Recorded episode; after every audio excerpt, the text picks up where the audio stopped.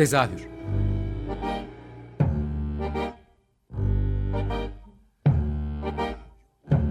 İstanbul tiyatro hayatı üzerine gündelik konuşmalar. What keeps mankind alive?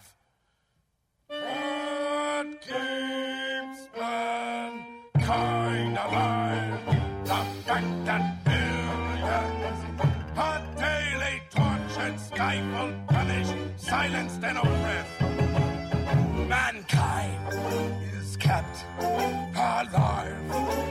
By bestial acts. Hazırlayan ve sunan Gülin Dede Tekin. Tezahürden herkese iyi akşamlar. Ben Gülin Dede Tekin. Ee, bu hafta geçtiğimiz haftalarda Bomonti Alt'ta e, seyirciyle buluşmaya başlayan Dans Tiyatrosu 2'yi konuşmak üzere e, tiyatro yönetmeni ve müzisyen e, üstadlarımızdan Semih Fırıncıoğlu konuğum. Hoş geldiniz Semih Bey. Hoş bulduk sağ olun. E, oyundan sonra yorucu bir akşam biliyorum. Bugün sabah da bir lunch buluşmanız vardı. Çok fazla sizi yormak istemiyorum. Teşekkür ederim bu arada. kabul Ben teşekkür ederim. de. Rica ederim. Ee, öncesinde şeyi sormak istiyorum size. En son yaptığınız iş- geçen sene Salta özel bir uçurma doğru lezzet lokantası işiydi. İki yıl önceydi o. Ya, geçtiğimiz iki- 2015'teydi. evet Aha. 2015 pa- çok özür dilerim. Ee, yıllar birbirine girdi bende. Ee, şimdi e, yeni işiniz iki de aslında gene bir mekana özgü iş değil mi? Ya, yan, yanılmıyorum. E, az çok, Hı hı. az yani çok, nasıl, iki nasıl ortaya çıktı aslında biraz bunu sormak istiyorum. Yani m, sizin önceden kurguladığınız bir iş miydi yoksa bu mekanla Bomonti adayla birleştirerek ürettiğiniz bir iş miydi? Ee, bu Bomonti Adada e, ilgilen ilgileneceğim bir yer var mı diye sordular bana. Gelip baktım mekanlara. Ee, o en dipteki sizin gördüğünüz eski mahzenlerden biri. Ee, orası boş ve en az el değmiş e, mekan burada. Ve de galiba en büyük mekan. E, dedim burayı bana verirseniz iki aylığına kapıyı kapayın gidin ben oradan bir şey çıkaracağım. E, öyle oldu iş kabul ettiler. E, işte bir bütçe verdiler ben oyuncularımı seçtim. Geldim aşağı yukarı 5 hafta çalıştık 3 haftadır da oynuyor oyun. Ellerinize sağlık bu arada gerçekten. Ee, bir şey hatırlıyorum. Bizim Açık Dergi'den İksen Mavi Tuna'yla yaptığınız bir röportaj, röportajda yani tam cümleleri hatırlamak ve, ve aklımda kalan, hafızamda kalan şöyle bir şeydi. Artık tiyatronun bu bilindik halleri üzerine bir şey üretmekten hoşlanmıyorum gibi bir Doğru. şey söylediniz. Ee, biraz o yüzden ikinin, ikide ne yapmaya çalıştığınızdan ya da e, sizin tiyatroya da artık nasıl baktığınızdan biraz bahsetmek istiyorum. Nasıl bu dans tiyatrosu dediğimiz şey nedir aslında? Yani bana sorarsanız aslında tiyatro yapıyoruz. Olması gerektiği gibi yapıyorum tiyatroyu diye düşünüyorum. Ama bir- birçok insan eee, neden söz ettiğimi bilmeyeceği için dans tiyatrosu diyoruz. Eee, eee, şaşırma olmasın diye tiyatro gelip diye gelip. Am, yani eee, bu oyunda Em, Birincisi maksimalist bir dans tiyatrosu dedim ben buna. E, maksimalist dememin nedeni e, minimalist olmadığının özellikle altını çizmekti. Çünkü çok sıkıldım e, minimalist işlerden. Çünkü minimalist işler artık e, bir e, manifesto niteliğini kaybetti. Herhangi bir şeye bir itiraz niteliği yok. Artık kolaya kaçma ve kolay iş çıkarma için bahane olmaya başladı görünüyor bana minimalist işler. Ee, bu oyunda gördüğün gibi e, çok sayıda birim var. Ee, e, sözler var, bedenler var, hareket var, e, müzik var. Ondan sonra çok büyük sayıda aksesuar kullanıyoruz. E, aksesuarda özellikle bu oyunda e, epeydir aklımda olan bir şeyi gerçekleştirdim. Ee, Işıkları aksesuarlara entegre etme fikrim vardı benim. Yani çünkü artık e, mimetik tiyatro yapmadığımız için tepedeki sembolik ışıklara ihtiyacımız yok tiyatroda. E, tiyatro, e, ışıklar çoktandır yere indirilmiş durumda. Ama hep kablo olduğu için tutuyor bir kenarda. Enstelasyon gibi duruyorlar bir tarafta. Ben uzun zamandır yani uzun zamandır 2-3 yıldır e, yeni çıkan bu LED teknolojisini kullanarak pille çalışan ışıkları aksesuarlara e, e, entegre edip monte edebilir miyiz diye düşünüyordum. E, onu zor oldu ama oldu. Yani gördüğün gibi bu oyunda epeyce Epey, evet. var. Onlardan kullanıyoruz. Ondan sonra bir ışık operatörü yerine oyuncuların ışıkları kendilerinin e, kontrol edebilmesini e, çok düşünüyordum. Onu da başardık sanıyorum burada. E, çok fazla sayıda birim var. Bu birimlerin hepsi aşağı yukarı eş e, ağırlıkta. E, yani üstüne binip gittiğimiz bir metin yok bizim. E, ve ben bunu, bunu sevmiyorum. O çünkü yani edebiyatın e, tiyatroyu kontrol etmesinden hoşlanmıyorum. E, metin metnin neredeyse yarıya yakını e, kutsal kitaptan aldım Eklesiastes bölümünden. E, onun dışında Stanislav Lec'in aforizmaları var. Onlardan yararlanarak benim kendi yazdığım metinler var. Bir takım şiirlere referanslar var. Yani oldukça eklektik e, bir metinden söz ediyorum. E, ama metin oyundaki diğer birimlerle eş düzeyde. Yani aksesuar neyse metin de o, hareket, beden, giysi hepsi aşağı yukarı eş düzeyde. Şu em, sorunu cevaplamadım sanıyorum. Em, soru Yok, Metne de zaten gelecektim ayrıca ama hani e, siz nasıl bu bu mekanın benim için en ilginç tarafı burada saklanacak yer yok. Bütünüyle dikdörtgen ve çok eski bir mahzenden söz ediyoruz. Ee, duvarlardan biri taş, tavan tuğla, çok yüksek, yer taş, Ee, çok e, ilginç, karanlık bir yer burası. Ben şimdiye kadar yapmadığım bir şey yapayım istedim. Ee, orada sahne arkası olmayan bir yerde çalışmanın e, sorunuyla cebelleşmek O istedim. seyirci için de bu arada sözünüzü kesiyorum ilginç bir durum. Yani oyuna çıkmadan önce lavaboda oyuncuyla karşılaşabiliyorsunuz vesaire. Bu seyirciyi de ya da oyuna başlamadan önce siz orada sohbet ediyorsunuz. Bunu görüyoruz. Bu seyirci için de farklı bir algı yaratıyor tabii alışıldığın dışında bir durum yaratıyor. Yani sadece sizin yani muhtemelen zaten seyirci için de yaptığınız bir şey olduğunu düşününce bizde de başka bir algı yaratıyor oyuna başlamadan önce farklı bir bakış açısıyla başlatıyor her şeyden önce. E, Onu o o işin en zor tarafı oldu benim için. Çünkü e, üstüne binip gittiğim bir şey olmayınca bir bir e, bağlayan her şeyi birbirine bağlayan bir tema vesaire olmadığı zaman e, neyin neyin ardından geleceği gibi konular soyutlaşıyor. Bunları bir araya getirip gerekçelendirmek. Niye şimdi bu adam bunu yapıyor, onu yapmak yerine vesaire gibi. Ee, e, ve e, yine şey istedim bu oyunda farklı bir iş olarak um, episodik yapıdan kurtulmak istedim. Yani bir fikrin arkasından başka bir fikir, başka bir fikir, başka bir fikir böyle peş peşe dizme olayı. Salt'ta Salt'ta yaptığımız işte iki yıl önce özellikle onu yapmak istemiştim.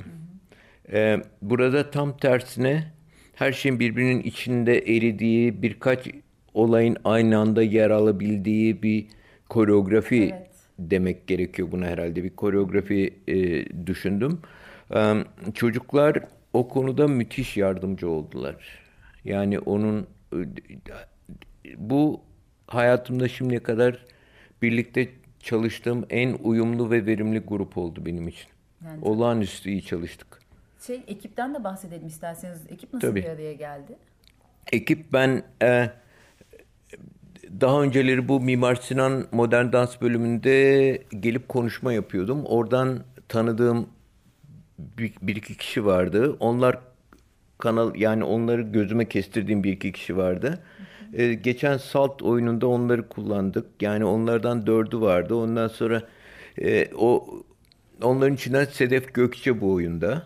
O, o Mimar Sinan'dan mezun dansçı.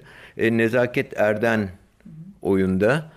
E, onu da Salt'ta başlamıştık. Burada devam ettik. E, Ayşe Draz üçüncü kişi. O benim e, yardımcılığımı da yapıyor burada. Ayşe Draz'ı bana yani Allah gönderdi.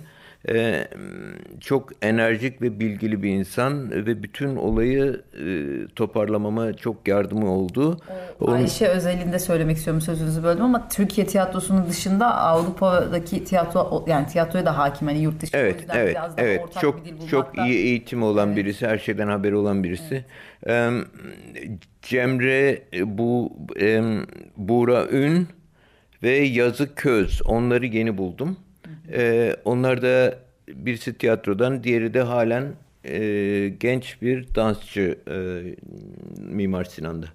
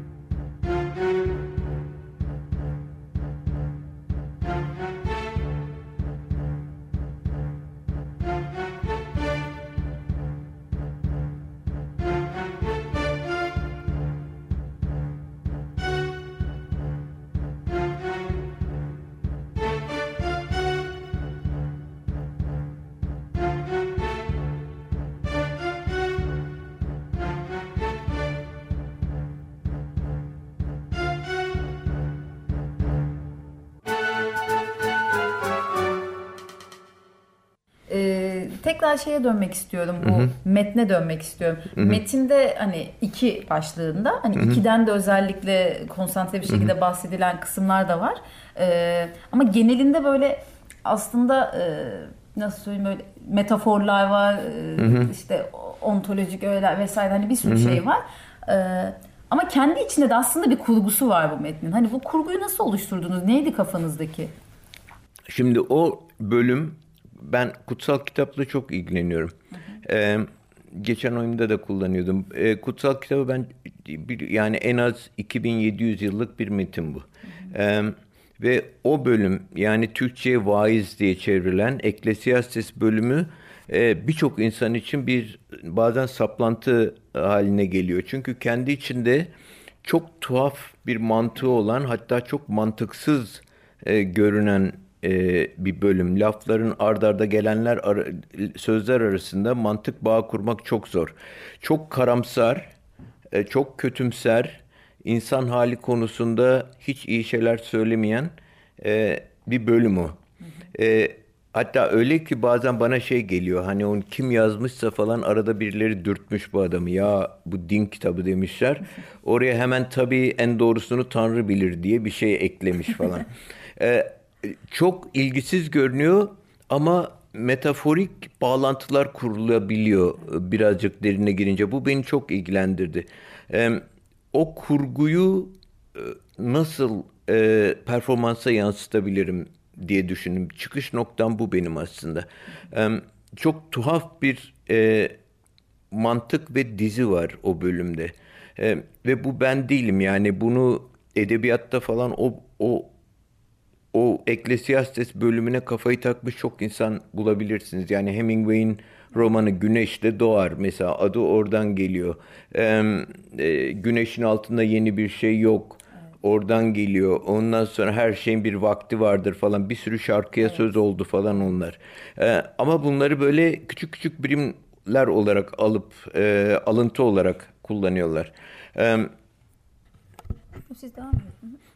Ben e, işin mantığıyla çok ilgilendim öncelikle. Yani nedir bu, bu sıralamada tuhaf bir şey var. Ee, ne elinden atabiliyorsun ne de ne olduğunu kavrayamıyorsun. Yani de, e, oyunda da bunu görmüş olabilirsin.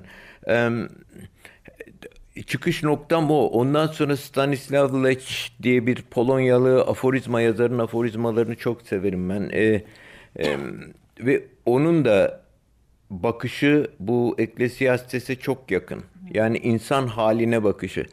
E, ve tabii ben egzistansiyalist e, dönemden gelen bir insanım. E, yani Beckett'le çok e, etkilendim. Yani Beckett'i görebilirsiniz her işimde.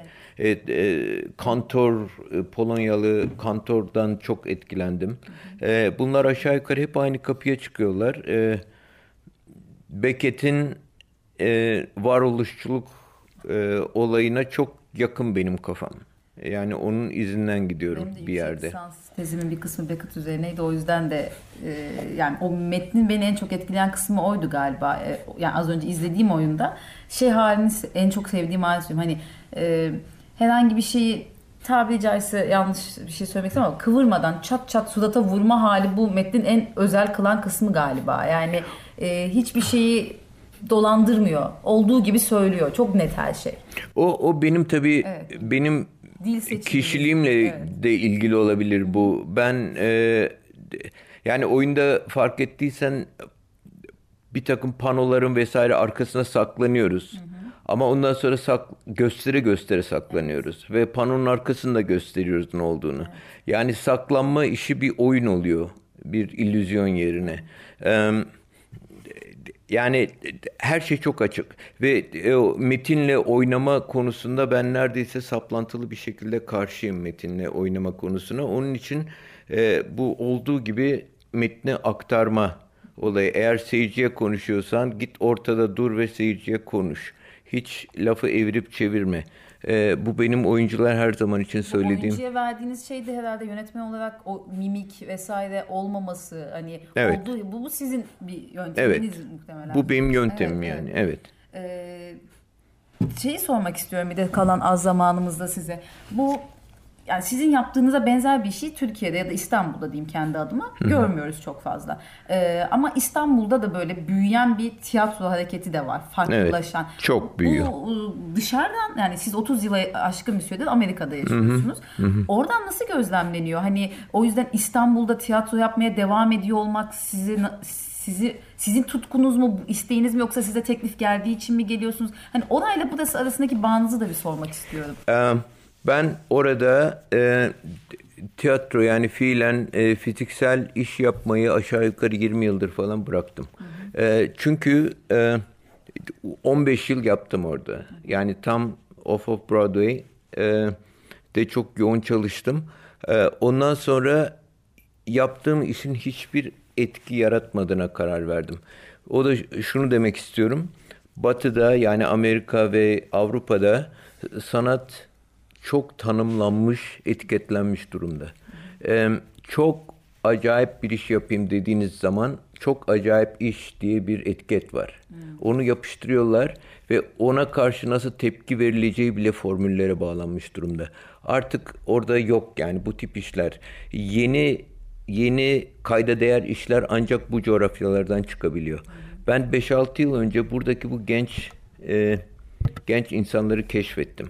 E, çok şimdi laf çok uzar yani bu konuda söyleyecek çok çok Daha şeyim var. Yani siz E, şey burada var birincisi şey çok çok kalabalık bir genç e, kitle var burada. E, nedendir bilmiyorum. Bunun sosyolojik açıklamaları vardır muhakkak ve birisi yapsa çok sevinirim bunu. Sanatlara karşı e, giderek büyüyen müthiş bir e, ilgi var. Um, bunu, bunun nedeni bu bir savunma olarak mı yapılıyor yoksa bir kaçış olarak mı yapılıyor ne olduğunu bilmiyorum. Ee, ama büyüyen bir ilgi var. Tiyatro özel özelinde e, şu anda İstanbul'daki niceliksel olarak tiyatro etkinliği New York'tan çok daha fazla. New York'ta bitmiş durumda bildiğimiz tiyatro. Burada sırf geçen sezon e, sah- ilk kez sahnelenen oyun sayısı 155'miş İstanbul'da. Bu müthiş müthiş bir sayı bu. E, çok genç var ve çok düzgün insanlar bunlar. Ben çok etkileniyorum bu insanlardan. E, çok zor koşullarda çok düzgün insan kalabilmek çok zor.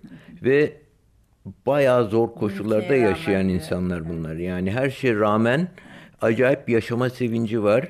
E, kendilerine bir hayat kurmaya çalışıyorlar.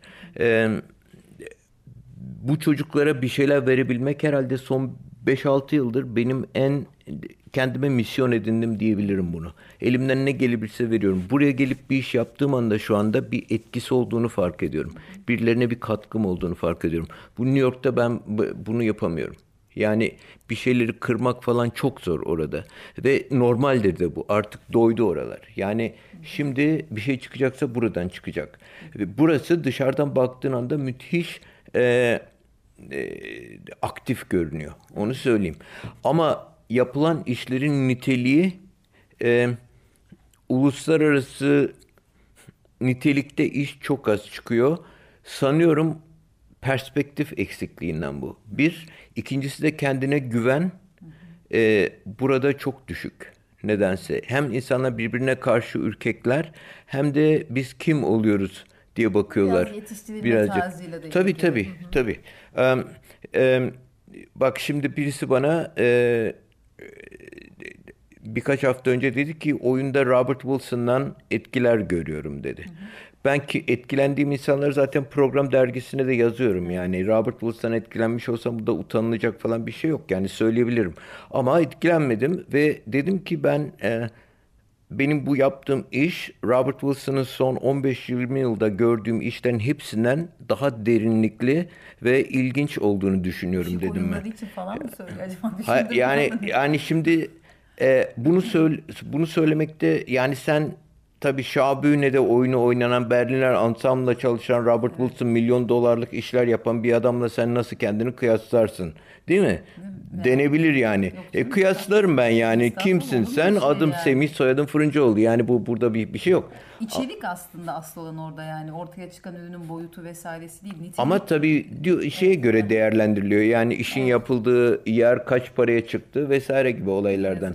Evet. Ee, ama buradaki bunu şundan söyleyeyim. Ya buradaki çocukların kendi yaptıkları işi evrensel perspektiften görebilseler, evet. genel kanona göre değerlendirebilseler yani genel evrensel sanat düşüncesini muhatap alabilseler. E, nitelik olarak çok daha enteresan ve de çok daha geniş çaplı işler yapabilecekler diye düşünüyorum. Evet süremiz dolmak üzere. Çok teşekkür ediyorum. Yani ben teşekkür ederim. program sizinle bu dediğiniz gibi bu konuya girersek çıkamayacağım. Evet. Yani o kadar uzun da derin bir konu. Siz bildiğim kadarıyla dönüyorsunuz yarın. Evet. Yani program evet. yayınlandığında siz ya Amerika'da gidip geliyorum ben. Gidip geliyorum. Ee, ama iki Aralık ayı içerisinde de yayın e, sahnede olacak. Dört oyun daha var Aralık'ta. Ee, evet.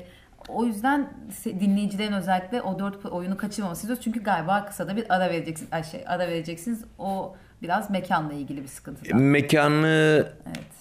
E, benden değil de bu çocuklardan almaya karar verdiler. E, onun için büyük olasılıkla e, Aralık'tan sonra oynanmayacak oyun burada. E, Bahar'a umuyoruz. Tekrar oyundan sonra da söylediğiniz üzere belki başka bir mekanda. Başka, başka bir mekanda alanlarda. belki olabilir. E, evet. Çünkü bu kadar pişmiş bir işi de yani daha fazla insana ulaşması gerekiyor. Olabilir.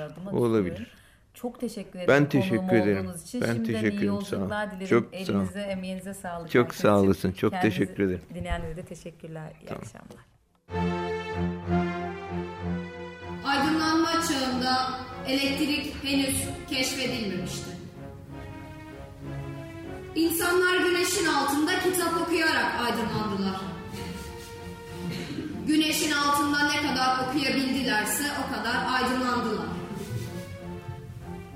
Hava bulutlu, yağmurlu olduğu zamanlarda aydınlanma olamıyordu. Gerçekleri gün ışığına kavuşturalım denir ya, bu söz aydınlanma çağından kaldı. Elektriğin keşfinden önce yani. Elektriğin keşfinden sonra gerçeklere ışık tutalım demeye başladı. Şimdi oyun bitmeden önce aydınlanma konusunda aydınlatılması gereken birkaç nokta daha var.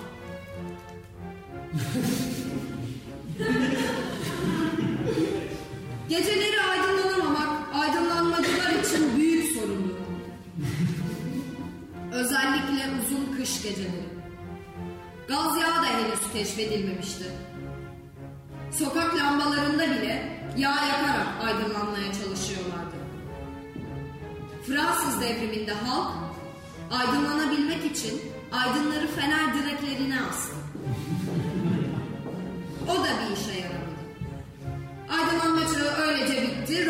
Dönem başladı. Romantikler aydınlanmacılardan nefret ediyordu. Aydınlanalım, aydınlanalım derken bakın dünyayı ateşe verdiniz, gözünüz aydın dediler. O yüzden romantiklerin güneşle başı hoş değildi. Güneşte aydınlanmadıkları için solgun, süzgün, ayakta zor duran insanlar oldular. Hisli ve sisli ve kör kütük, cahil insanlar. D vitamini eksik insanlar. Romantik gece kuşları. Bize aydınlanmak için ay ışığı yeter diyorlardı. Çoğu veremden gitti. Tüberküloz. O yüzden kafaları hep bulanıktı. Doğru düzgün cümle kuramıyorlardı. Cümle kuramıyorlardı doğru düzgün. Devrik oluyordu cümleleri hep. Gizemli bir buluttur sanat, ruhu sarmalayan gibi. Artık tek tük kalmış aydınlanmacılar, niye böyle konuşuyorsunuz diye sorup aydınlanmak istediler. Romantikler, güzel sanatlardan ne anlarsınız siz? Şiirsel dil konuşuyoruz biz dediler. Aydınlanmacılar, sanatın güzeli buysa, çirkini nasıl oluyor diye sordular. Romantikler, olmaz sanatın çirkini, güzeldir her sanat dediler. Aydınlanmacılar, o zaman niye sanat deyip geçmiyorsunuz? Güzel nereden çıkıyor? Mantık diye bir şey duymadınız mı diye sordular. Romantikler, bağlamayın her şeyi mantığa. Karartmayın ruhlarınızı. Düşünün, sevgi düşünün. Alkol falan alın biraz dediler. Aydınlanmacılar, karanlıkta olan esas sizsiniz. Çıkın güneşte kitap okuyun azıcık.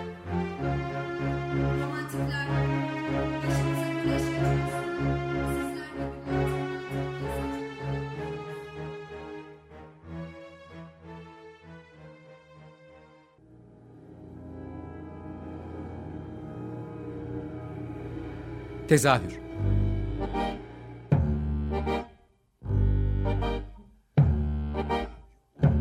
İstanbul tiyatro hayatı üzerine gündelik konuşmalar. What keeps mankind alive? What keeps mankind alive? The fact that billions are daily tortured, stifled, punished, silenced, and oppressed.